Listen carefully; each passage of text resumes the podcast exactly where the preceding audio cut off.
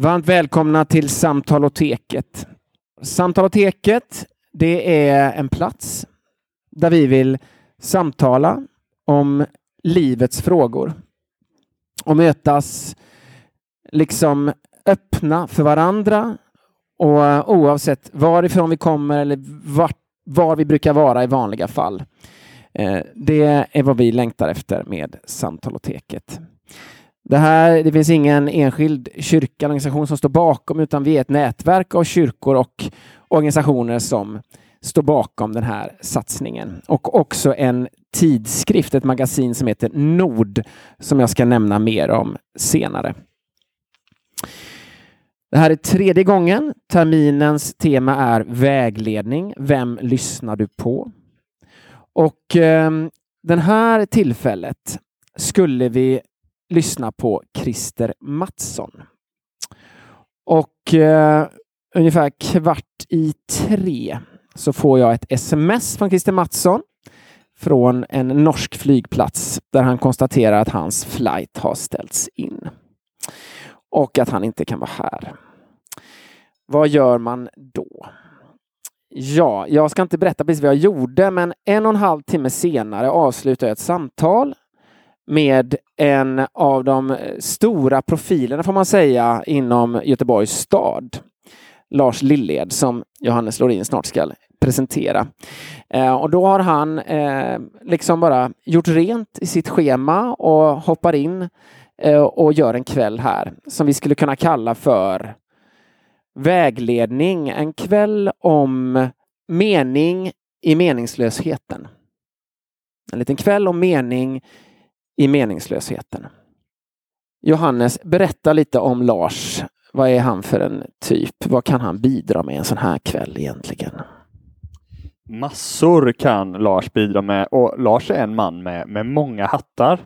Han är utbildad beteendevetare. Han har eh, varit biträdande direktör för sociala resurser här i Göteborg, så en tung titel. Han har föreläst för alla psykologer, alla socionomer sa du också va?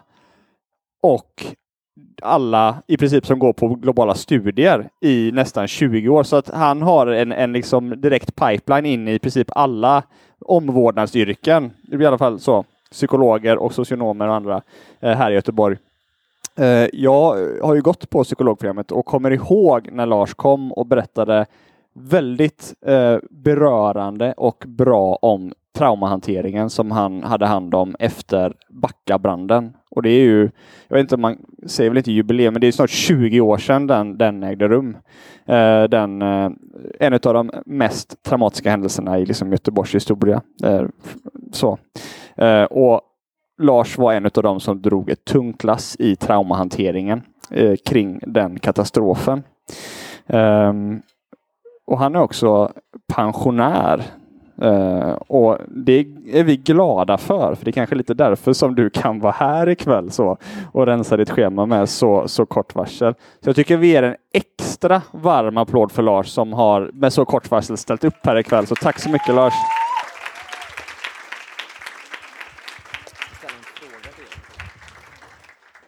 Jag tror, tack så mycket. Det var, det var alldeles för mycket. Jag, jag tror nästan alla när man sitter på sin kammare, om vi ska vara riktigt uppriktiga, längtar efter att bli hypade någon gång. Fast när, fast när det händer i verkligheten så är det ju förskräckligt. Så, så eh, det kommer att bli en buklandning eh, detta, men eh, jag är så enormt beroende av, och det här är inte för att jag ska låta ödmjuk, utan det har med den här historien att göra. Lite kort varsel minst sagt och Eh, ett alldeles för snabbt ja och sen en bilresa hit när jag funderar på det är, det är någon brist någonstans, antingen hos arrangören eller hos mig. Jag vet inte. Men, men nu är jag här och det är ett fantastiskt koncept. Så, så vi får hjälpas åt ta oss igenom den här kvällen, vilket inte är en, en helt eh, ovan situation för mig. Det vill säga att jag är hemskt beroende av andra människor. Det blir man om man jobbar i sammanhang som inte är manualbaserade och som inte är konsultdrivna eller så. Eh, och jag kommer att upp, uppehålla mig en del eh, naturligtvis runt Backabranden. Inte bara är det snart 20 år sedan, utan det var 20 år sedan i måndags den 29 oktober. Och ni såg säkert ett rätt så bastant media Eh, pådrag. Jag vill bara rekommendera SVTs dokumentärfilmer, fyra stycken. Eh, två har gått nu då, men de ligger på SVT Play. Den sista fjärde delen heter Förlåtelse. Och är otroligt, otroligt fina filmer. Så eh, eh sätt er ner ett par timmar, de är ju 30 minuter varje. Och eh, ägna lite tid åt att följa fyra människoöden. Eh, säkert på den värsta Golgatavandring som människor har företagit sig. Så gör det eh, och lär er och eh, bekanta er med er själva när ni tittar på dem. Då. Jag tänkte om Christer hade varit här så hade han eh, säkert också pratat om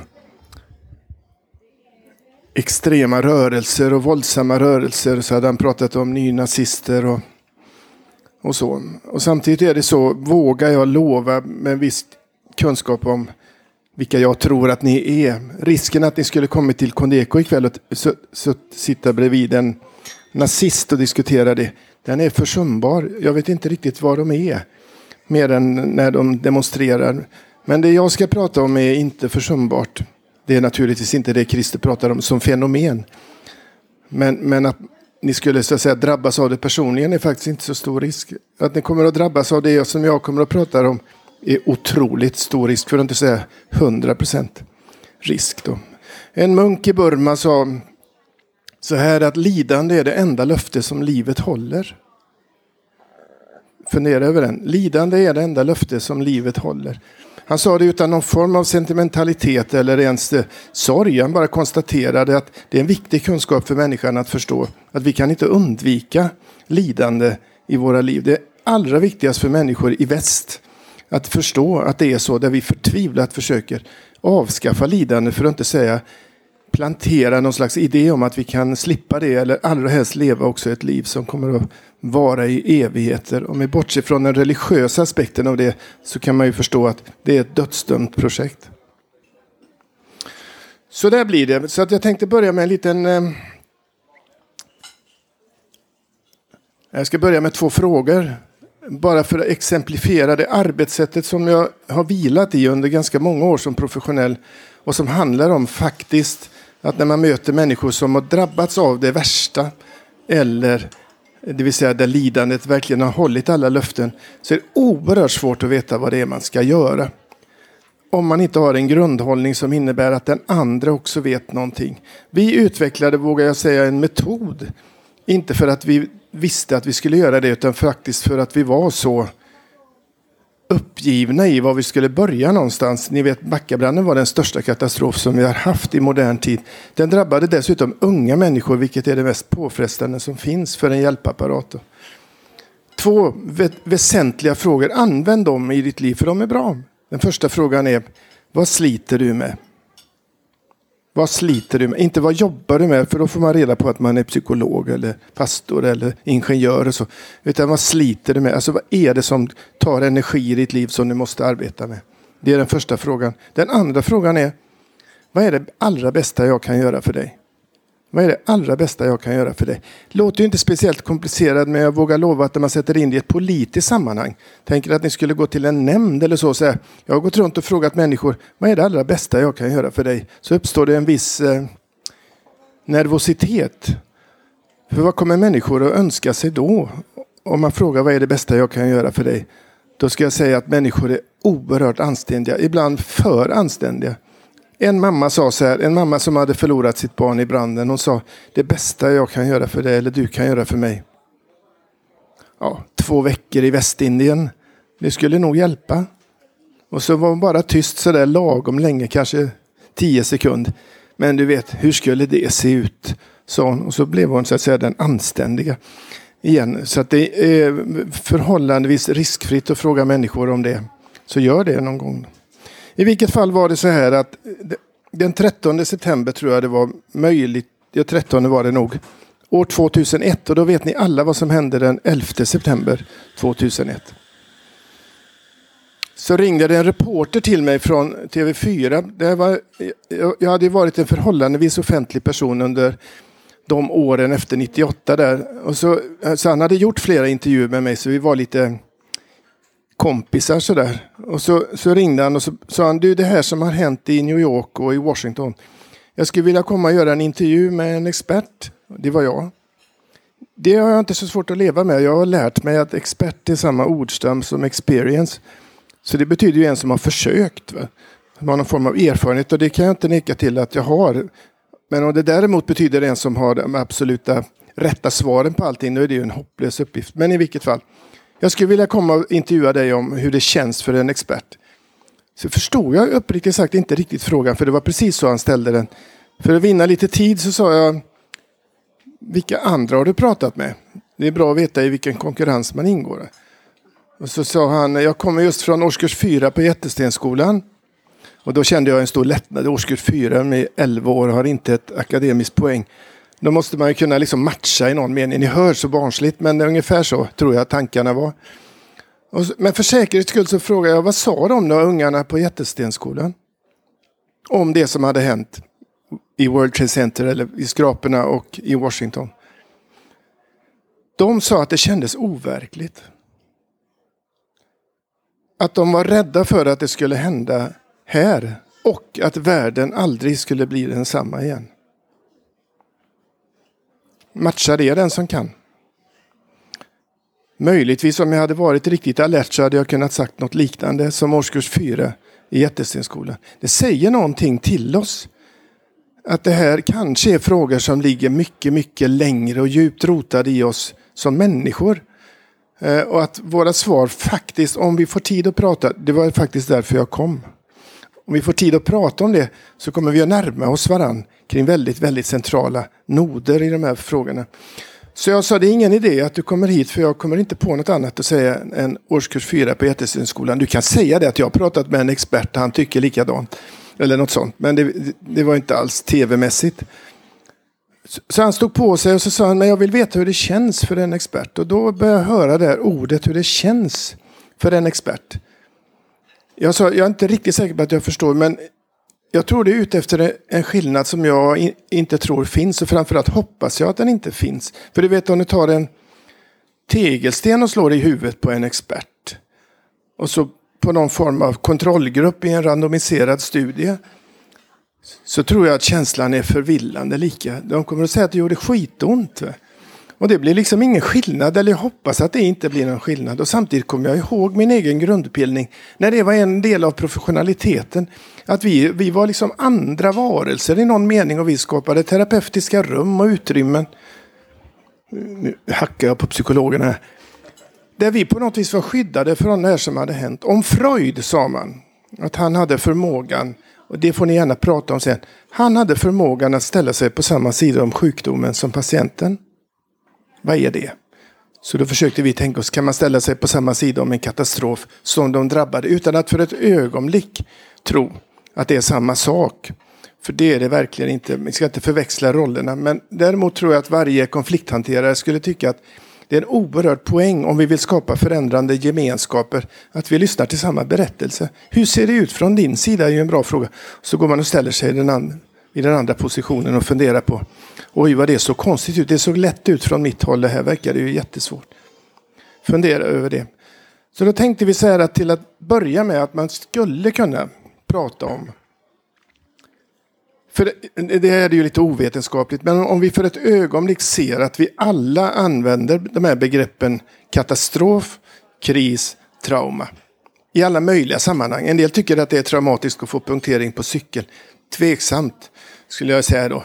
Men vi använder de här begreppen och det går så pass mycket inflation i dem så att vi har bekymmer. Man är inte chockad för att man är lite upprörd. Va?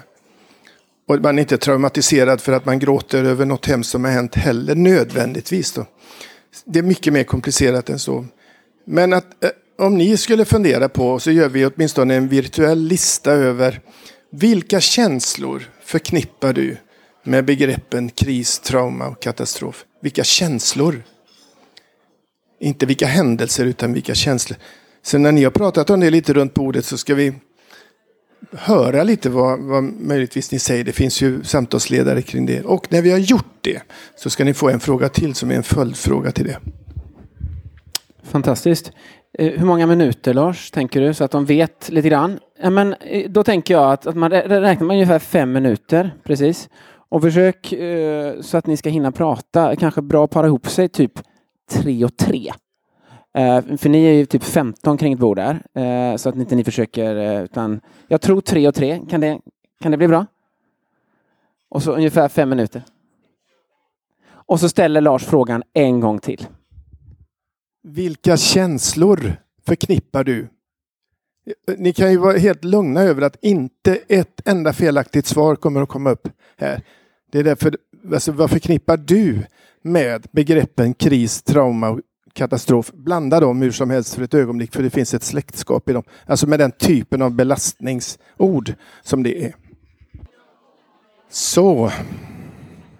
Härligt att höra det här eh, sorlet.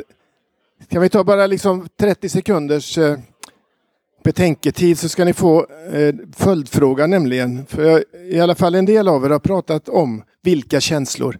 Och det ni kan vara övertygade om att hade vi ritat den här bilden eller gjort ett sånt ordmoln av det så finns det ingen ordning på de här känslorna. Det är en kakafoni inuti människor i de här sammanhangen. Och de finns samtidigt. Och det är liksom inte det är inte strukturerbart eh, faktiskt. Eh, och då tänker jag så här, om ni, om ni tänker inte bara det ni själva har sagt utan vad de andra har sagt och så känner efter hur det skulle vara att bära ett sådant lass. Och så, och så ska ni få nästa fråga. Om allt detta finns inne i oss, vad vill vi ska hända oss då? Alltså vad vill vi bli mötta av? Vad vore det bästa som någon kunde göra för mig?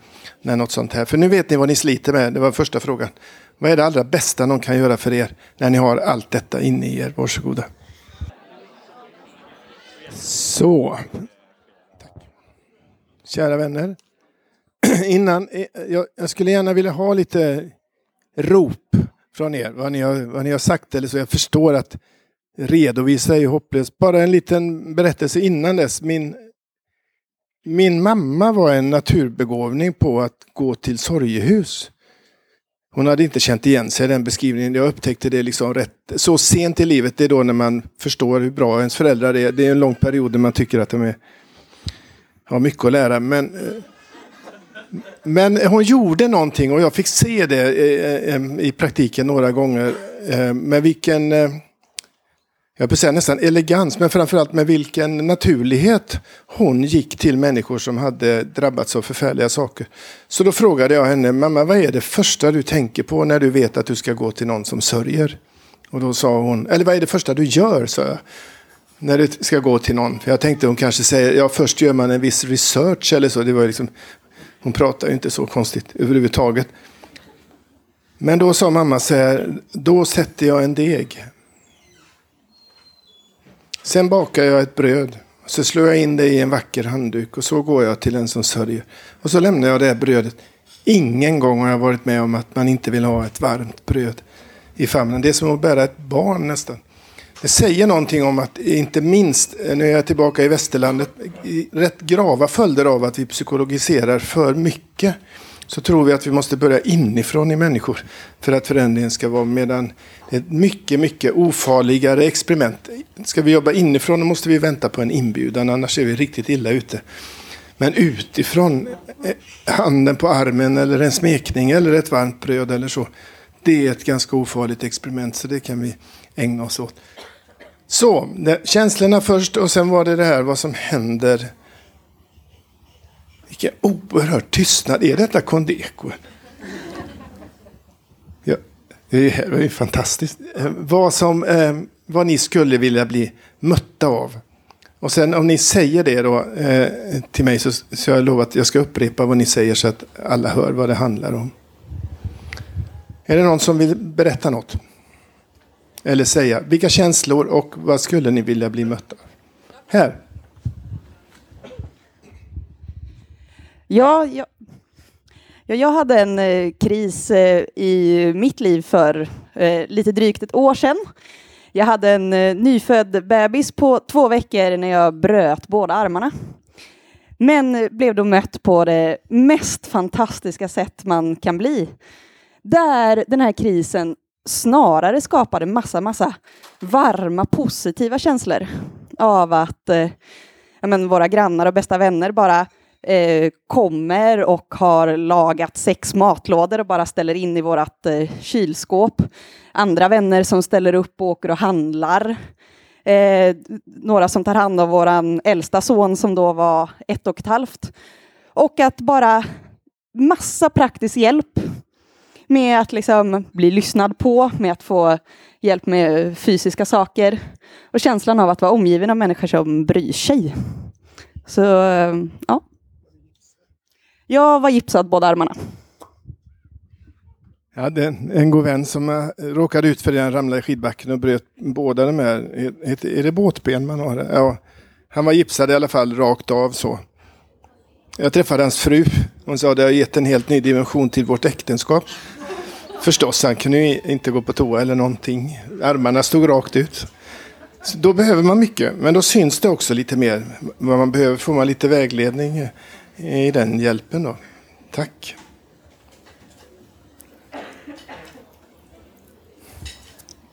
Förståelse och acceptans. Förståelse och acceptans. Vad var känslan först?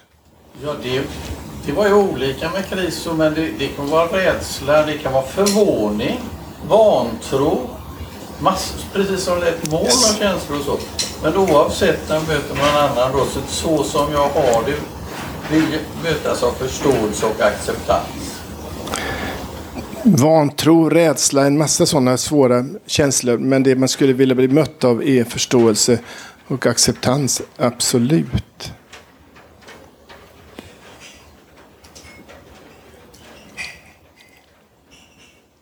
Mera?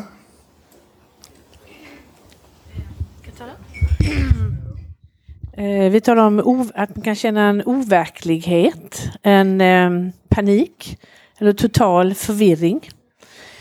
Eh, en övergivenhet mitt i katastrofen. Och vad vi ville då att, att någon finns där, en fysisk närhet som en kram till exempel. Att någon liksom håller ihop en mitt i den paniken. Det hörde ni, hörde ni allihop. Jag frågade några pappor, kanske ett par år efter branden, det var också pappor som hade förlorat barn i branden, om vad vi kunde gjort bättre, vi som hade den här jättelika stödorganisationen. Om man då väntar sig med eleganta svaren eller så, så är det sällan det. Den här pappan sa så här, skicka någon som kan steka pannkakor. Någon som går ut med hunden. Någon som talar om att vi måste tanka bilen, vi fick soppatorsk överallt. Så bara rasar omkring det här praktiska och där börjar omsorgsarbetet. Aldrig, vågar jag påstå, i, i, i den mer sofistikerade delen eller metoderna, utan det finns en bas i som är otroligt mellanmänsklig och som inte är så eh, professionell på det viset att man måste eh, ha en speciell bakgrund eller så. Utan eh, jag tror att det är en oerhört bra skola att fråga sig vad skulle jag ha velat ha eller behövt ha då. Och så inte leta efter så mycket Ja, det handlar inte om så mycket om att vara street smart, säger så. Eller det är väl kanske det det gör. Egentligen att verkligen söka de här eh, grundläggande behoven först och så se vart det bär vägen. När jag sa det här att bli inbjuden, bara en jättekort eh, eh berättelse. Det här var säkert på några dagar bara efter branden och för er som var i stan då överhuvudtaget kan jag säga att det var en fullständigt kaotisk situation. Och, eh, vi stod på Backaplan och hade just börjat få någon form av organisering i det första stödarbetet. I jättefåniga små gymnastikvästar. Det var det enda vi hittade som kunde legitimera vår, vår närvaro. Det såg ju förstås inte klokt ut men det var bättre än ingenting i alla fall. Då. Och när jag står där, det kanske var tusen personer minst som bara roterade runt och det fanns fortfarande rätt mycket osäkerhet om vilka som hade varit inne i lokalen. Och människor letade efter sina barn i någon förhoppning om att de i alla fall skulle vara någon annanstans än på den här festen som man hade kört dem till. Och så. Helt förtvivlade scener. Kommer det en, en Saab körande och tvärnitar mitt inne i folkmassan, lite obehagligt. Men ni vet, ibland kan man se även utanpå bilen, ungefär som att man kan se att hela bilen ser skyldig ut om man kör mot rött ljus. Liksom får med sig kofferten liksom. Men, och den här bilen stannade och den var arg, den här bilen. Och, och jag gick fram till den på en gång, för det hoppade ur en pappa ur den här bilen och han var mycket arg. Så, och jag frågade den här frågan om ungefär, eh, kan jag göra något för dig eller så? Men han bara föste undan mig och så var det inte mer med det. Så jag backade tillbaka till de andra hjälparbetarna och stod bara och tittade.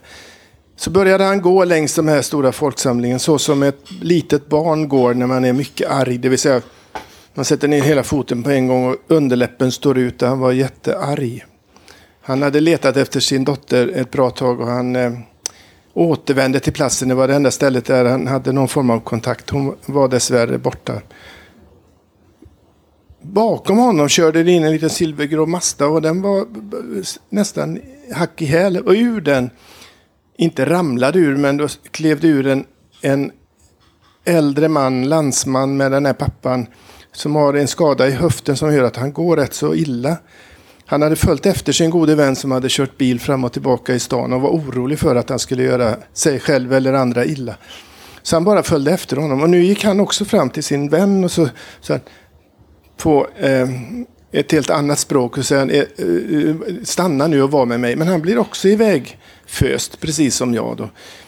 Skillnaden var att han backade inte tillbaka in i någon institution eller hade inga kollegor med sig. Så han backade bara fyra och en halv meter ungefär utanför slaglängden.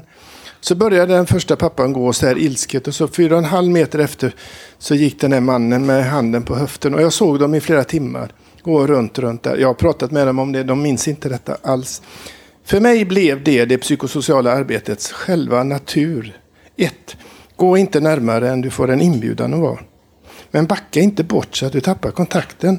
Utan hitta ett avstånd där man kan följa människor. Så småningom kanske man får en inbjudan. Och så står vi där tre år senare. Jag stod med samma kollega så kommer en, en mamma gående. Eh, hon har inte varit på hissingen sedan branden.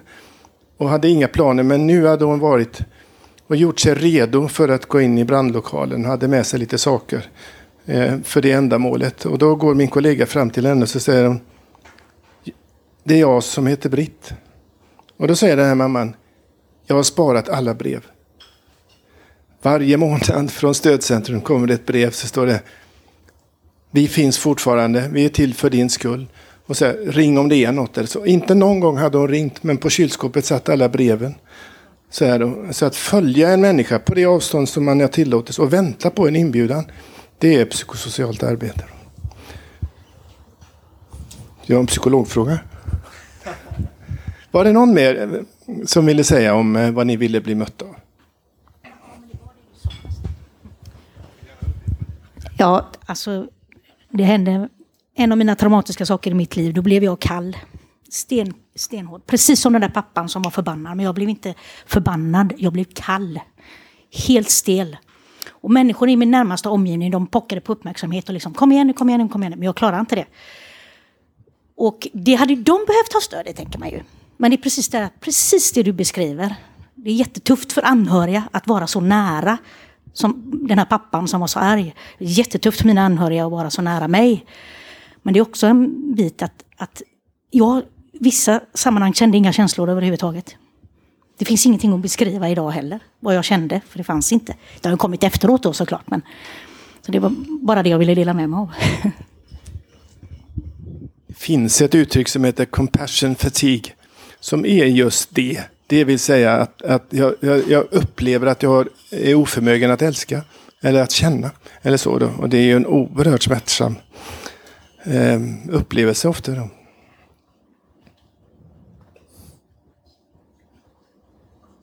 Tack. Jag får eh, eh, åtminstone några frågor här som jag tänkte nämna nu. Nu är det här ju inte helt genomrepat som ni förstår, liksom, eftersom det har varit så kort varsel. Men, eh, men, några frågor dyker upp hos mig här och du får svara på dem nu om du vill. Eller så får du fortsätta i ett flöde som du är igång i. Är det okej? Okay? Mm. Um, därför att jag, jag undrar lite grann här Dels är det så att vi har en övertro på professionalism. Det, det, är nästan det som står mellan raderna, det du säger, när det gäller att möta sorgen. Eh, eller varför är många av oss så pass tafatta? Det vill säga, ska jag kontakta den som har förlorat någon eller ska jag inte? Det där tror jag är ganska vanligt. Eh, jag vill inte ringa och störa. Eh, jag, eh, viktigt att personen får vara i fred nu och, och jag vill inte vara där och snoka. Och alltså det finns mycket sån här tveksamhet kring det där. Vi vet inte riktigt hur man gör. Och, och, och, och det finns en slags rädsla. Och, och det är kanske bättre att lämna det till någon som verkligen kan och så träffar man en psykolog och säger man vad är det man ska göra nu liksom. Eh, och, och, så tar du upp det här att baka ett bröd liksom. Det hade ju Johannes aldrig sagt då eh, som psykolog. Det, för det förstår inte han sig på riktigt. Eh, nej men förstår du vad jag, vad jag fiskar efter här? Att, att vad, vad är det som har hänt med det här? Varför kunde din mamma det? Som inte hade gått några socionomprogram eller sådär. Så det är en fråga. Och, och eh, vill, du, vill du börja med att svara på den eller ska jag fortsätta? Du kan ta den. Mm. Ja, det är säkert så att i ett eh, meritokratiskt samhälle så har vi en övertro ibland till professionalitet. Och professionalismen det handlar ju lika mycket om att vi abdikerar. Det vill säga skönt att någon annan gör det. Det här är ju inte, det är ju inte drömjobbet att gå hem till människor som har förlorat ett barn. Det, det, tror jag inte någon tycker. Då har vi helt andra drivkrafter. Utan det är otroligt nervöst att göra det då. Så att bara idén om att någon annan kan göra det, vare sig de är professionella eller inte, är ju en lättnad då. Men om vi sen växlar över det lite till, till att det är någon som sitter med några knep hur det där ska gå till. Jag tror snarare det är så att en god professionalitet får öva sig mycket mer än de flesta av oss. Och bör tillägna sig någon form av goda vanor runt det. Då. Men det kan också utvecklas något som är professionalitetens dilemma och den är ju snarare cynism i andra änden. Det vill säga att erfarenhet inte blir något annat än dumhet som har blivit en vana. Och det, och det är en annan fråga. Men, eh, så att jag tror att det, det är eh, ett litet sammelsurium av olika saker i oss i någon mening. Men jag kan också bli väldigt, jag vet att vi, det, det var ett tåg som körde på en bil eh, på ett södergående tåg för ett antal år sedan. Och då, då var det fyra, fem psykologer som åkte på det tåget i flera veckor för att prata med människor som någon slags eh, krisbearbetning. Och då vet jag att det var andra medresenärer som sa att vi har ju pratat med varandra, det var pendlare, de sågs jämt. Och så, och så slutade de prata med varandra. För att det fanns andra som skulle göra. Och då, det blir ju, då utnyttjar man ju inte professionaliteten ihop med det andra. För det kan man säga att forskningen är nog rätt entydig. att Vad är det jag längtar mest efter när någonting förfärligt händer? Då är inte det en psykolog eller en socionom eller så, utan det är nära och kära. går inte att ersätta nätverket i något sådant sammanhang, utan det är en av de viktigaste professionella uppgifterna är att facilitera så nätverket kan träffas. Öppna telefonlinjer till hela världen och så, alltså göra det runt omkring. Då. Vad betyder facilitisera? Liksom möjliggöra eller så runt det. Då är man ju bara en fixare i den meningen. Då. Men att se till att det händer. Vilka så det hör till den här frågan, vad är det bästa jag kan göra för dig? Väldigt ofta så svarade man precis det. Se till att mina barn kommer hit. Eller min före detta man eller vad det nu har varit. Och så, och så blev det den professionella uppgiften. Jag ska vara, vi, vi pratade lite innan och sa att oavsett tema vågar jag påstå så borde man prata om individualisering som ett begrepp. Och för mig är professionalitet inte i första hand en, en individuell kvalitet utan en organisatorisk kvalitet. Det vill säga att jag umgås i ett sammanhang som gör det möjligt för mig att möta mycket svåra sammanhang. Inte för att jag är en supermänniska utan för att jag har ett system runt omkring mig och det är systemet som ska vara professionellt. Annars får vi får vi hjältar som blir svåra att hantera så småningom. Utan det är våra system som ska vara i första hand professionella. Det måste du förklara. System som ska vara professionella. Ehm, ehm, ja, mina tankar har gått åt att tänk om vi kunde få gemenskaper det här, det här var naturligt. Därför att risken nu med det här exemplet som vi har ikväll, eh, Backabranden, det är ju att det är så exceptionellt.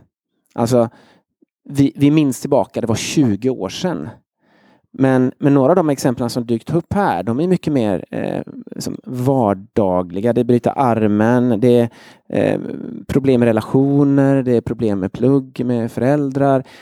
Eh, men, men så jag såg framför mig att det som vi behöver också ta upp här, det är ju hur våra gemenskaper ser ut. Men nu talar de om system. Alltså hur många här känner att ja, jag lever i ett system.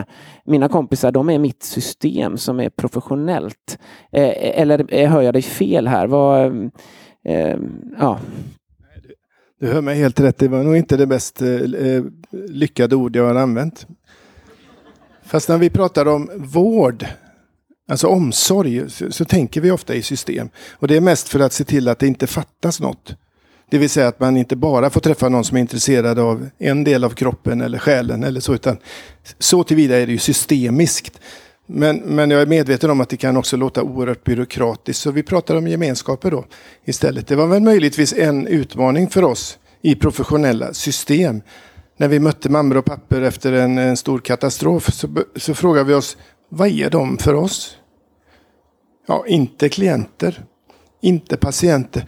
Vi hade inget ord för det. Och det är liksom systemets dilemma. Att den måste definiera människor. Så då sa vi, de är väl mammor och papper och syskon. Och så har de namn, så vi försökte lära oss namnen på alla. Det blev ju 5000 namn, så det är lite mycket att hålla ordning på. Men eh, nu när jag står 20 år efteråt, jag, ska bara, jag tycker det är så apropå häftiga upplevelser och, och osystemiska upplevelser så skulle vi efter midnatt den 29 så blev, satt vi och hängde bara i lokalen. Så började människor ta kort, och så var det, för då brukar man ha en ljuständningsceremoni, ett, ett ljus för varje barn. Och då var det någon som sa att vi måste ta ett kort på alla anhöriga. Som jag ställde kanske 60-70 anhöriga ställdes upp där. Och då var det någon som sa så här. Var är Lasse? Säg Camelia då. Och det är jag. Och så, och, så, och så är jag ju tjänsteman på någon mening då, men helt plötsligt så fanns det inget system. Utan då när jag, du måste förstå, sa de då, att du tillhör den här skruvade familjen nu efter 20 år. Och så kände jag, åh vad häftigt det var att stå där. För det är ju ett fjärran från varje uppdrag och varje system. Då är man verkligen i, i en gemenskap. Då. Jag skulle ställa en liten följdfråga på Mårtens fråga. Och sen tänkte jag att vi bollar ut den frågan till gruppen här. Men Mårtens fråga är ju lite vi tänker oss att vi bollar över problemet till experter, till socionomer eller psykologer eller så som arbetar med trauma av olika sorter. Skulle du säga att vi är sämre idag än förr också personligen på att vända oss till nära och kära? Att vi ser på sådana här eh, traumatiska händelser mer som någonting som ska hanteras av en professionell. Eh, än snarare än att vi går till en vän eller till vårt, liksom, våran gemenskapskrets. Så. Det vet jag inte. För jag var inte med förr. Men, men om, jag bara ska, liksom, om man ska lyssna på berättelserna så var det väl så att man inte hade så mycket annat eh, att gå till. Och så, och så fungerade det på ett sätt bra också. Det vi vet ändå är ju att Alltså, om man säger behandling eller bemötande av människor som är svårt traumatiserade är en mycket komplex historia. Det är inte bara så att det går över för att man har kompisar. Utan vi såg också ett lidande efter krig och efter förintelsen och så som var fullständigt... Ja, det hade behövts många fler professionella i de sammanhangen. Ni vet det att eh, Alltså bland annat efter forskningen efter, efter just koncentrationslägren så såg man ju att barn som inte var födda när föräldrarna kom ut ur lägren och som föddes sen drabbades av något som heter KZ-syndromet och utvecklade posttraumatiska svårigheter som man hade ärvt. Framförallt på mödernet och vi har sett likadant efter eh, 11 september också. Så det är, ju, eh, det är ju inget att leka med eh, på det viset. Men de allra, allra flesta människor, jag, jag vet att många av er, åtminstone om ni har varit med lite längre, har läst Johan Kullberg om kris och utveckling och så fick vi lära oss att det fanns olika faser och så. Och så tyckte vi att det blev väldigt mekaniskt som att nu lämnar jag chockfasen och går över i någon nyorientering. Och så, så frågade vi Johan Kullberg en gång när han var här och föreläste om blir det inte väldigt instrumentellt? Jo, jag har kommit på något nytt, sa han. då. så här är det. Först händer någonting svårt, hårt och farligt. Sen går det lång tid och så går det bra för de flesta. Och det är ett annat sätt att se. Det gör faktiskt det. Men inte, Jag vet inte om ni såg mitt tal. Nej, det gjorde ni inte. Men på, det var en livesändning hela måndagen. Men då, alltså inte från sorgen utan med sorgen. Alltså man kan in, och det allra, allra mest vet vi faktiskt om det är att förlora ett barn. Den relationen upphör inte. Utan man fortsätter att relatera till det barnet så att man går med den. Får jag säga det om sorgen eh, ändå?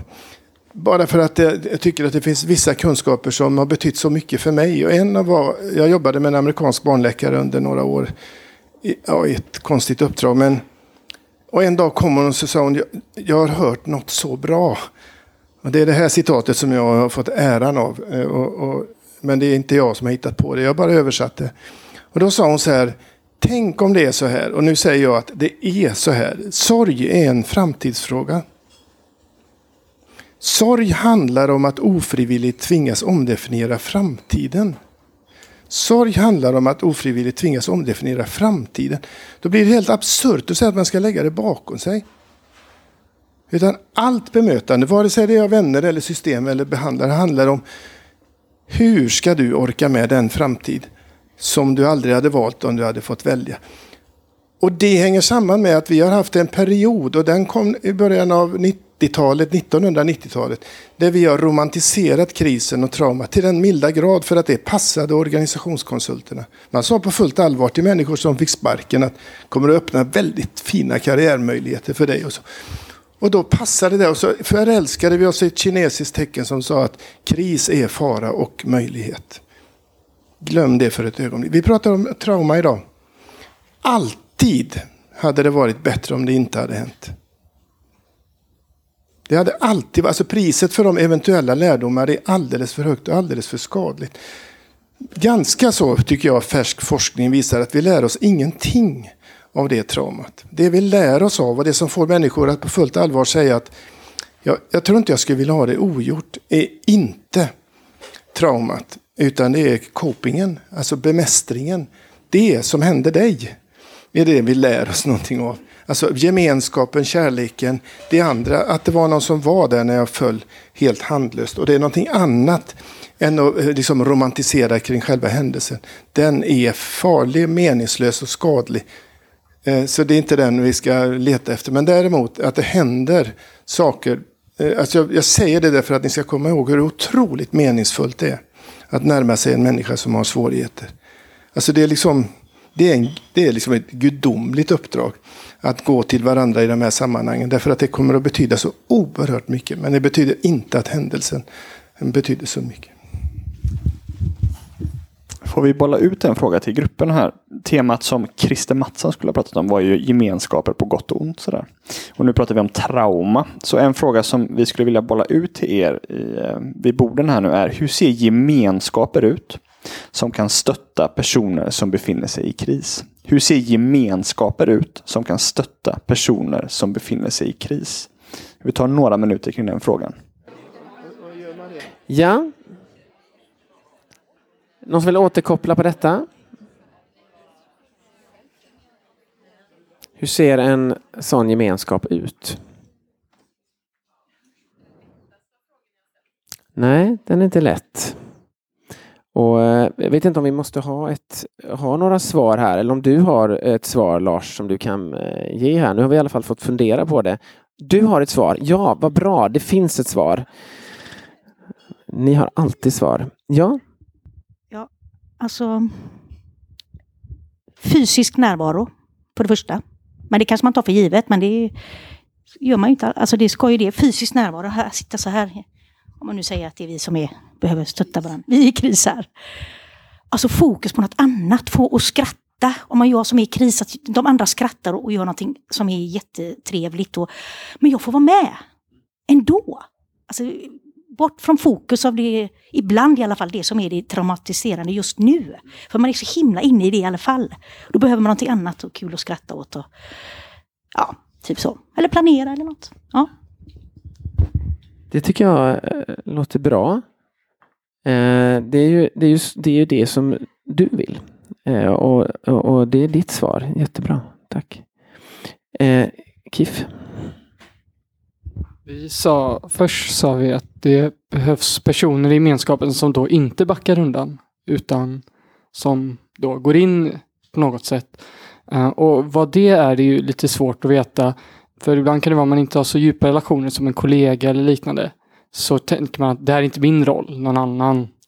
Ehm, och då är frågan, vad, när känner man ett, liksom, man, tänker man att det här är min plats att gå in och hjälpa den människan? Och hur, hur får man till det? Någon som känner igen sig i det? Jag tror det va? Det där är en så vanlig fråga. Liksom. Är, är det jag här eller är det någon annan? Eller bör jag hellre stanna utanför? Liksom? Jordan? Men den andra jag tänker där är också, om inte jag, vem? Om man ställer motfrågan, eller andra sidan. Jag tänker att det finns, eller för mig finns det inte exakta ramar att just så här en gemenskap måste se ut. För att varje människa hamnar i olika tidsperioder, den behöver olika människor, den behöver just olika attityder beroende på sin situation. Det är det jag tänker, att det, det finns inte fasta ramar så här. Du behöver en uppmuntrande, en sån här, en sån här, en sån här, en sån här, en som guidar dig och så vidare. Fast beroende på situationen och beroende på dag, beroende på timmen på dagen liksom. Låter klokt. Ja, Lars. Bara hänga på det där med eh, alltså professionalitet, åtminstone när den är i den mer stereotypa idén, bygger på att det finns mallar. Alltså man, kan inte upp, man kan inte upprätta manualer om det inte finns mönster som är någorlunda lika för alla. Och då vill jag nog påstå att åtminstone det finns inget stöd i forskningen för att sorg ser ut på ett speciellt sätt. Det gör inte det. Utan det finns bara stöd för att det finns sorg och att vi behöver arbeta med den. Eller det är en process för alla människor. Och jag har varit med om så mycket moraliserande också inne i äktenskap. Till exempel när man säger du din jävel som gick och jobbade direkt. Och, och så, den typen av anklagelser runt det. Och det är ett bra råd att säga Alltså, gör det där som du, ta till dig den lilla lättnad som livet innebär. Men i övrigt kommer det ta lång tid för någon och kort tid för någon. Någon kommer att gråta oupphörligen. Någon får vänta med sin gråt i familjen därför att det redan är upptaget med den positionen eller vad det är. Så det är ett samspel runt, runt sorgen och kring de eh, processerna hela tiden som gör att eh, den huvudboken som vi skrev efter branden heter Att möta det man möter. Alltså inte, inte stereotyper, inte färdiga bilder, utan faktiskt möta det man möter. Och då blir det så oerhört självklart att det här med att börja med en fråga istället. Det vill säga, ska vi dansa? Eller något. Bjuda upp till någonting snarare än att ha eh, en färdig idé. Det var stor skillnad. Jag skrev strategin för tsunamiarbetet också för Göteborg.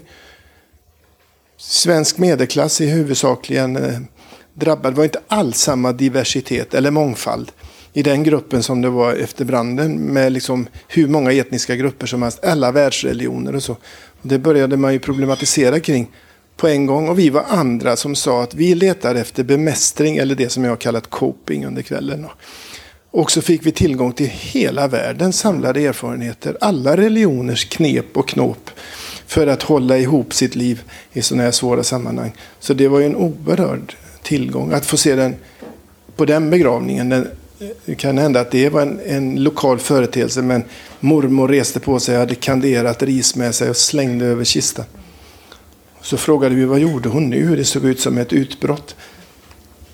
Det kanderade riset står för alla drömmar som gick förlorade när en ung människa eller en, när en människa försvinner överhuvudtaget. Så det finns eh, inte minst eh, eh, så otroligt mycket att lära av varandra. Fina ritualer som vi kan ha, ha glädje av. Då. Men vi, man pratar ju ibland om att vi i Sverige är väldigt, väldigt, du nämnde förut, individualistiska. Att vi, vi, eh, vi har ju lite gjort till våran grej att låta staten sköta mycket av det som man i andra kulturer gör i, i gemenskaper. Såg du någon skillnad eh, på ja, men tsunamin? Där är det mycket svenska familjer, eller svenskfödda så, eh, om man tänker så stereotypt. Och eh, i Backabranden misstänker jag att det fanns mycket människor som kom från kulturer där man är mer kollektivistiska. Eh, fanns det tydliga skillnader där tycker du med gällande hur, hur det här hanterades? Så?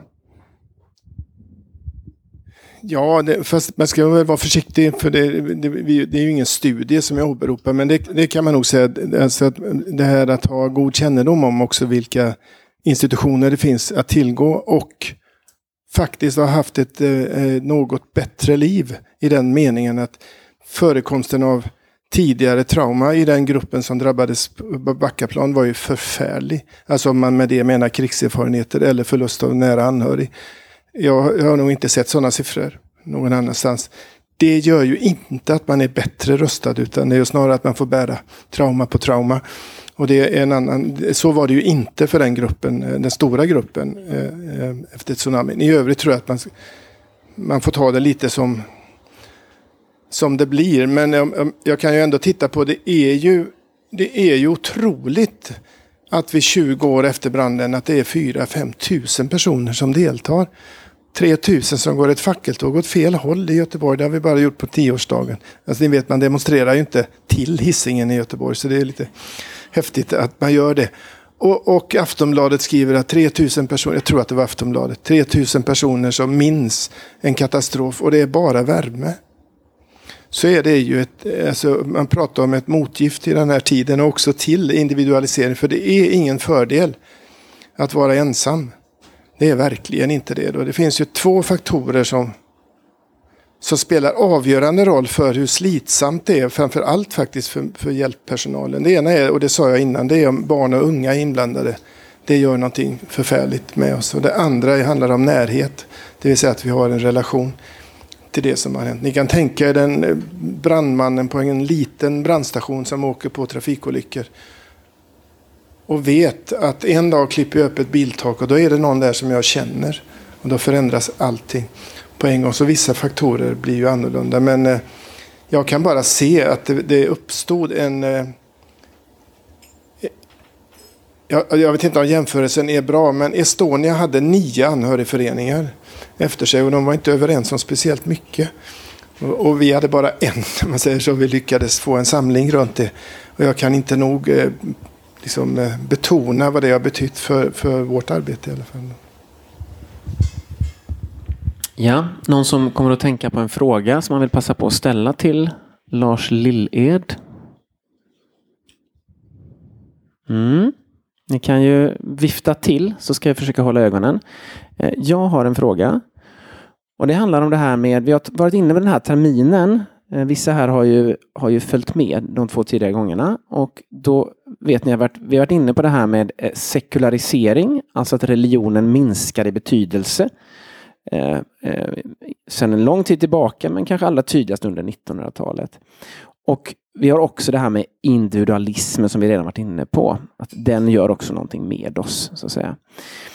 Och eh, eh, jag ska snart ställa en fråga till dig om det här med religionens roll. Men jag tänkte först vi skulle ta oss an det här med individualismen. Hur mycket upplever du att individualism är någonting som präglar din vardag? Och är det så att det eventuellt blir något av ett problem i lägen när man inte mår på topp, när man inte när man hamnar i en kris. Eh, Frågan är alltså, och jag, jag talar utifrån mig själv, att jag märker att det här individualistiska sitter i det sitter i blodet på något sätt. Alltså att nå, någonting med att liksom, ensam är stark. Att det, det har jag fått med mig. Jag vet inte vem som har sagt det, men jag har fått med mig det. Eh, men det är inte säkert att det är för alla. Det kan vara så att du är liksom, du omger dig hela tiden med gemenskaper, söker dig till gemenskaper. Den här kvällen är ju en sån kväll när vi söker oss till samtalet. Men eh, skulle vi kunna samtala om det lite grann här? Individualism, är det ett problem? Eh, märker ni att det kommer till er på olika sätt, att ni själv lever i detta? Eller är det så att ni söker till gemenskaper, lever i gemenskaper. Eh, förstår ni frågan?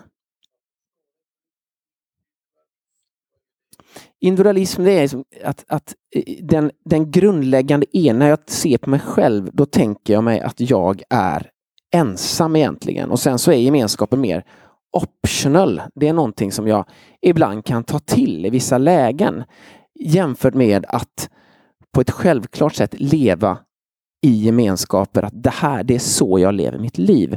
Ja, det, det kanske är en konstig fråga. Ja. Men du är med? Ja, bra. Är ni andra med också? Typ, ja. Vi, vi testar den frågan och ser om vi kan få någonting där. Um, och sen så fortsätter vi. Så, några minuter om det. Vi testar att bryta där eh, på den här frågan. Funkar det? Bra. Är det någon som har någon reflektion här? Ja, Jordan igen. Ja, vad bra. Eh, jag har en tanke om individualismen som beroende på situationen kan vara positiv eller negativ. Individualismen kan vara positiv i den meningen att du ska kunna klara, klara att betala hyran, sköta ett jobb, sköta ditt liv. Men när det gäller de här eh, katastrofala situationer eller liknande, då blir det problematiskt. För jag kan inte förlita mig på att jag kan sköta jobbet, betala hyran för att hantera min känsloliv. Och det kan vara en copingstrategi. Och sen till själva begreppet individualismen. Det, jag upplever det som en väldigt konstig begrepp eftersom oavsett vad jag gör för mig själv kommer påverka andra människor. Så det blir mest en, i, en idé än en verklighet. Intressant. Ja. Bo? Jo, eh, jag vill ju inte alls förneka att vi lever i ett samhälle som är väldigt individualistiskt så, men jag tror också då att vår eh, grundläggande filosofiska tradition gör ett misstag. För vi utgår ifrån jag och du. Bober till exempel, jag och du, eller Mead, I, me and the general side. Men både när man läser Bober och Mead och andra så talar de om I, jag och du. Men plötsligt introducerar de vi i texten, alltså vi. Helt oproblematiskt. Hur fick de till det? Alltså min uppfattning är att vi, det gemensamma, det är grundupplevelsen. Och från det måste man sen urskilja jaget och duet. Så den mer grundläggande saken i vårt liv och vår kultur, det är vi. Och sen får man trassla till det med jag och du. Det börjar, det börjar med ett vi liksom. Mm. Eh, och, och, det är nästan ontologiskt som filosoferna säger, alltså det är nästan att vi finns inte utan, det hör man, vi finns inte utan ett vi. Jag finns inte utan ett vi. Det är en chimär att jag är så himla stor som jag ibland blir i min egen spegel så att säga, även inuti mig själv. Eh, jag tänkte bara att Lars, kan inte du säga någonting om Jordans där om, om presterandet? För när vi pratade inför det här så, så sa du någonting om att, att eh, de som kom från stadsdelar som är lite mer well off. Det var inte alltid en fördel att komma från ett hem där man var högpresterande i det här sorgearbetet. Och det känns som att Jordan var inne på det lite grann. Kan inte du säga någonting? Minns du att du sa någonting sånt? Nej? Var det jag som hörde det? Ja, det var nog faktiskt du som hörde. Jag, jag tror att jag, jag har lärt mig en läxa av och, allt som liknar att, apropå de här mönstren. Eller så. Men däremot tror jag att det är eh, att, vi, att det kan vara en effekt av ökat välstånd att vi blir oerhört självförsörjande. Och att det är en idealisering av det oberoende eller autonoma som gör att det är en merit att vara det. Då. Och då, om vi för ett ögonblick skulle tänka oss att krisbearbetning är en kompetensfråga, det vill säga, för kris är ju per definition ett sammanhang när inte tidigare erfarenheter kan hjälpa mig ur det. Så säger det sig själv att då måste jag få ta del av andra människors erfarenheter för att lösa krisen. Därför att det, det, mitt tåg har redan gått. Det, I skönlitteraturen, eh, nog inte speciellt eh, löst i psykologisk forskning eller så, så, så är ju ett uttryck som säger att när människor drabbas av svåra saker säger man det kändes som om hela livet passerade revy, det har ni hört någon gång. det är mer en filosofisk än en neurologisk eh, fundering på vad är det som gör att många människor har haft den erfarenheten. En sån fundering handlar om att när människan hamnar i en situation som inte tidigare erfarenhet, jag hittar ingen tidigare erfarenhet. Det här är ju enkelt när vi pratar om utvecklingskriser, då kan vi regredera, så vet jag hur jag löste det som barn. Och så blir det lite malplacerat. Ni vet när Chrustjov tog av sig skon i säkerhetsrådet och bankade. Det är ju typiskt ett infantilt sammanbrott. Va? Men det var det sätt han kom på och visade hur arg han var. Passar ju utomordentligt dåligt på den traumatiska krisen tycker jag. Utan där är vi väldigt lamslagna i det. Men om det är så att vi hamnar i en situation där man, jag måste ju ha varit med om det någon gång så är det möjligt att det pågår en enorm skanning här bak i barken. Som handlar om att gå igenom alla erfarenheter jag har gjort i ett förtvivlat försök att försöka komma på hur man löser den här typen av frågor. Det skulle vi kunna uppleva som att hela livet passerade revy. Jag gillar själva tanken utan att den är speciellt belagd på det viset. Men det är snarare kanske en filosofisk fundering. Så. Får jag bara säga det om, eh, om individualisering.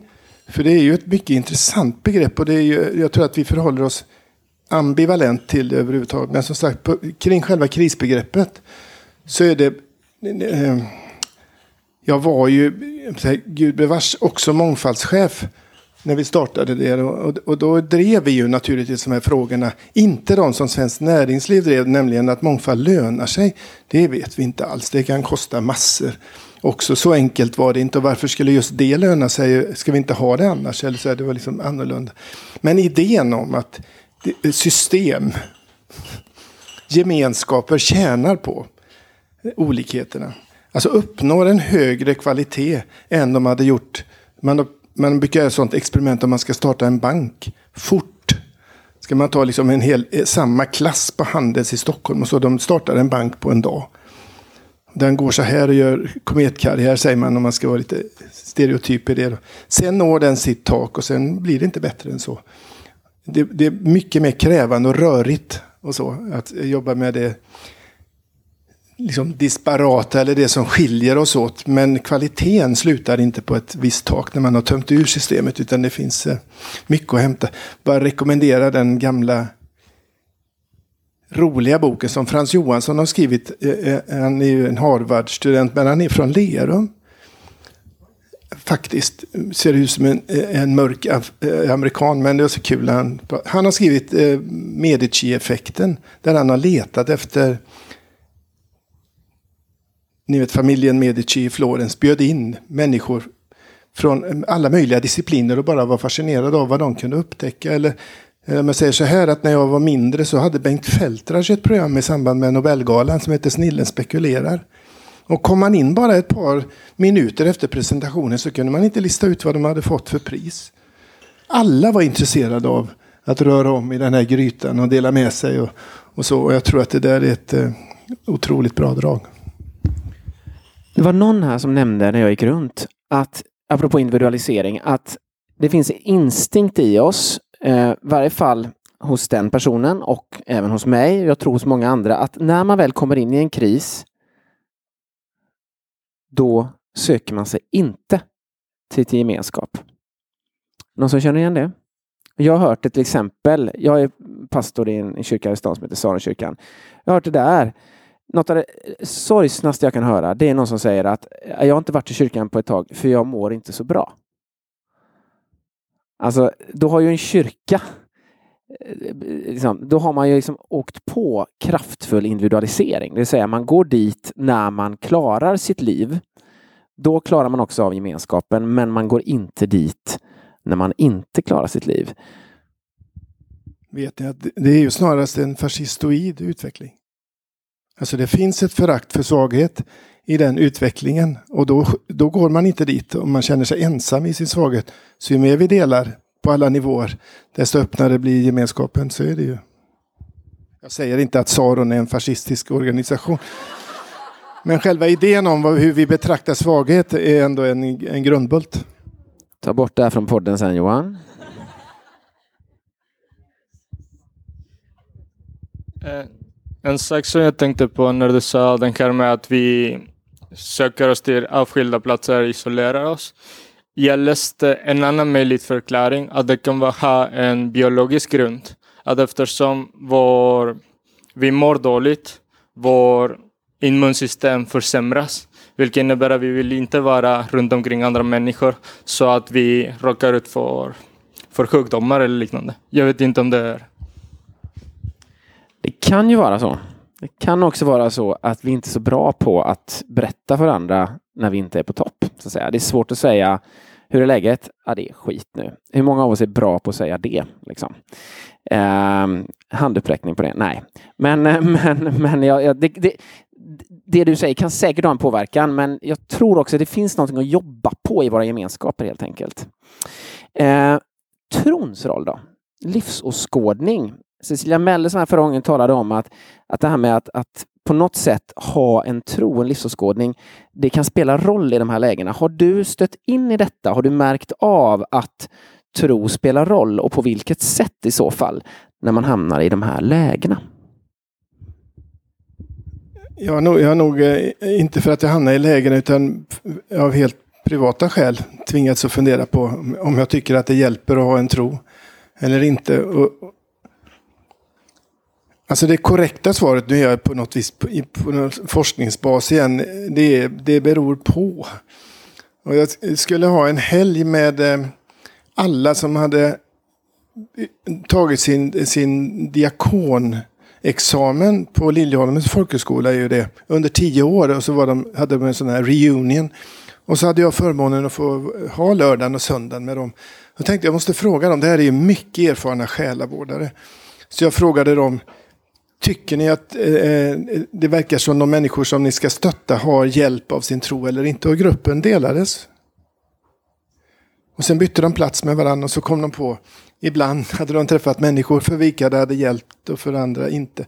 Och då började jag intressera mig lite för frågan så tillvida att jag måste säga att nu har jag ju arbetat med ett antal svåra händelser och lite inte för att de är mera värda, men när man får arbeta med katastrofer får man ju stora material på en gång. Så man vågar dra lite mer slutsatser än kring det enskilda. Och då vågar jag påstå att jag har nog inte träffat någon människa i den utsattheten som det innebär som inte funderar i termer av Gud och djävulen och himmel och helvete. Alltså eh, långt bortanför mm, psykiatrin. Eller, eller så. Fast psykiatrin hade ju den kvaliteten en gång i tiden. Men mm, förstår ni vad jag menar? Det är liksom något helt annat. Och då slog det mig.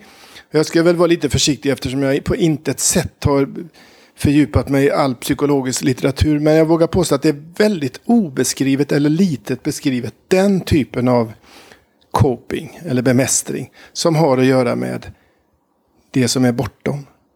Och då började vi fundera över det och så hittade vi en bok i USA som heter Transcendent Coping. Och som handlar om the right to receive help from beyond. Rätten att ta emot hjälp från det som är bortom. Och så började vi titta och så var Gary Larsson som är professor i psykologi på Försvarshögskolan och en präst började undersöka om tron hjälpte. Jag har inte sett någon färdig rapport, men jag har pratat med dem för länge sedan och då ungefär så här sa de då. Och så får ni ta det som ett Eh, vad säger man, tentativt. Alltså det här är bara ett resonemang, men det var eh, i alla fall underbyggt i de här intervjuerna. Och då, då skulle man kunna säga att en omvändelse som har eh, en underström i sig av att nu kommer jag vara skyddad. Ingenting kommer att hända mig. Gud är på min sida och så här. Den övertygelsen och konstigt nog kopplingen till att Gud är en straffande och sträng Gud. Inte mycket att ha i kris om jag ska uttrycka det enkelt. Därför att det, det, det, liksom slår åt fel håll. Det, först är det förhoppningar om att att jag går någon slags eh, egen fil genom livet. Men om det händer mig något så har jag gjort mig förtjänt av det. Svårt att koppla det till någon slags hälsobegrepp i alla fall. Då. Däremot de, man kan ju säga lite enkelt, barnatro var inte så dumt. Inget, ingenting. Sitt inte och fundera på när var det jag var, kom till tro eller något. Det är liksom inte det jag är ute efter. Men den tron som har överlevt att vi bad alla för mormor när hon blev sjuk och hon dog ändå.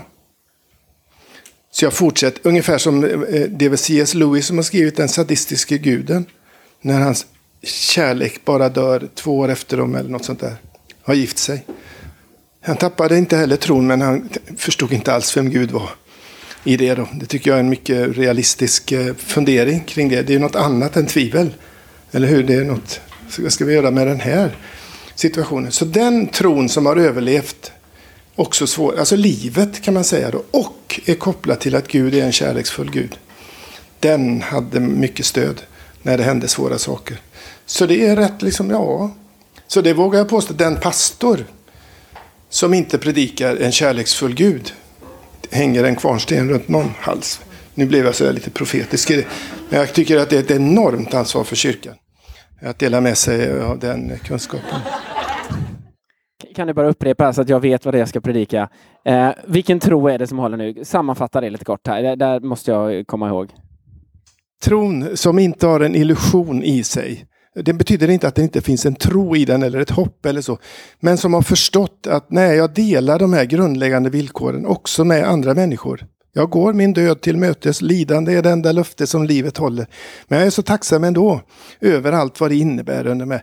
Den tron kopplad till Gud är en kärleksfull Gud. Om det händer hemska saker i min familj så är det inte för att Gud vill straffa mig. Jag vet inte, vad heter han? Är det Jesper Oderberg som sitter i mm. Ja. Jag vet inte om det här är en lämplig historia, men han berättade den sådär att han är på väg över Nordstan i rullstolen. Och detta var kanske när en, en del rörelser hade väldigt klara idéer om att hade det hänt en människa något så berodde det på att de hade syndat. Så behöver vi inte prata mer om det. Men, och så är det en person som med de bästa avsikter går fram till honom och säger du, du hade inte behövt sitta där om det inte hade berott på att du hade syndat. Jag vet inte om ni har lyssnat på Jesper någon gång. Han pratar eh, på grund av sin CP-skada väldigt långsamt och det gör det ju så bra. Och då sa han så här. Och då sa jag. Så vitt jag vet är jag drabbad av en förlossningsskada. Hur fan hann jag med det? Säger han. Och det tycker jag fångar det här. Då. Ja. ja, precis, precis. Jag får censurera den lite grann tror jag. Um, vi, vi tänkte vi skulle knyta ihop uh, här och, och, det finns inte så mycket mer att knyta ihop här. Det var en bra avslutning tycker jag uh, som du hade där. I stort sett. Ja, ja precis. Ehm, eh, så att vi, du ska snart få ställa din fråga till David Turefjell som inleder nästa termin. Nästa termin som handlar om tvärsäkerhet och tvivel. Eh, han ska ha en liten kväll om eh, livsåskådningarnas smörgåsbord. Ehm, han är religionssociolog och eh, forskar om vad människor tror idag. Så han vet faktiskt vad människor tror. Han går ut och frågar människor vad de tror, gör en, en enkät och intervjuundersökning. Han har skrivit en bok som heter Det gudlösa folket bland annat. Och du ska snart få ställa en fråga till honom som du har kommit på själv eller som, som jag har kommit på åt dig. Vi får se här. Det är alltså 4 februari. 4 februari, en måndag, som David Tufel kommer hit.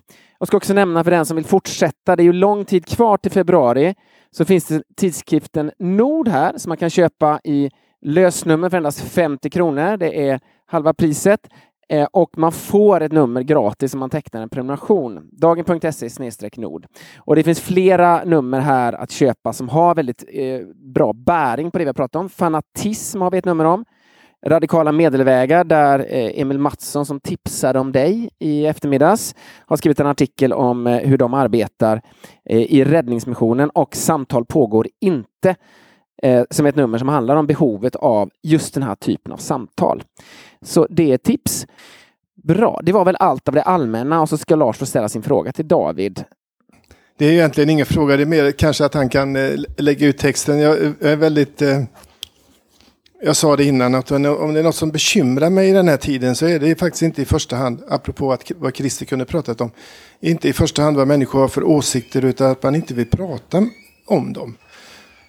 Det finns ingenting som gör mig så vanmäktig eller lite desperat som att gå fram till en, i det här fallet var det en NMR utanför Konsum i Kungälv. Så sa men du, är inte det lite underligt att du har någon slags relation till judar? Du vet ju ingenting om alltså det. Finns ju, du har ingen, känner ju ingen eller så. Och då sa han, jag pratar inte med sådana som du. Jag tänkte, vad är jag? Sådana som jag? Det, eh, och så var det slut. Och, och det bara bubblar i en så här. Och då tänkte jag att han kunde fundera över när människor säger det finns inga sanningar så måste åtminstone den meningen vara sann. Förstår ni? Självsäkerhet är en fullständigt hopplös position. För att eh, eh, den äter upp sig själv då. Och jag tänker, hur, hur, hur ser ett samtal ut? Och då säger jag det med stor tacksamhet över att jag kom hit ikväll. Ni kanske inte är fullt så tacksamma, men jag är det. Det var jätte, jättefint och roligt. Vilken fantastiskt bra idé. Jag är mycket glad för det. Eh, och så eh, skickar med honom och ber honom fundera över det. Om man säger att det inte finns några sanningar, är det självsäkert? Eller är det tänkt att låta ödmjukt? Väldigt finurlig fråga. Och nu ska vi klappa ihop våra händer så mycket vi kan som tack till Lars för att han har ryckt in på så kort varsel med en fantastisk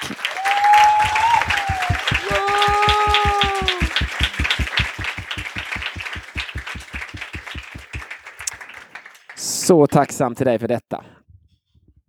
Var det någon mer än jag som var på Konserthuset i söndag kväll? Otur för er, då var Bobby McFerrin där och visade sitt sätt att jobba med kör, The Circle Song. Och så gick han ut på scenen själv som extra nummer och så körde han ett litet. Sen står han där, den här spetige 68-åringen och sen någon Any questions? och då är det någon som ropar, jag vet inte vad det är för riktigt för folk, så är det en som ropar långt bakifrån. What's the meaning of life? Vad är det för mening med livet? Och då, då tittar Bobby McFerrin och säger Jesus Christ. Any questions?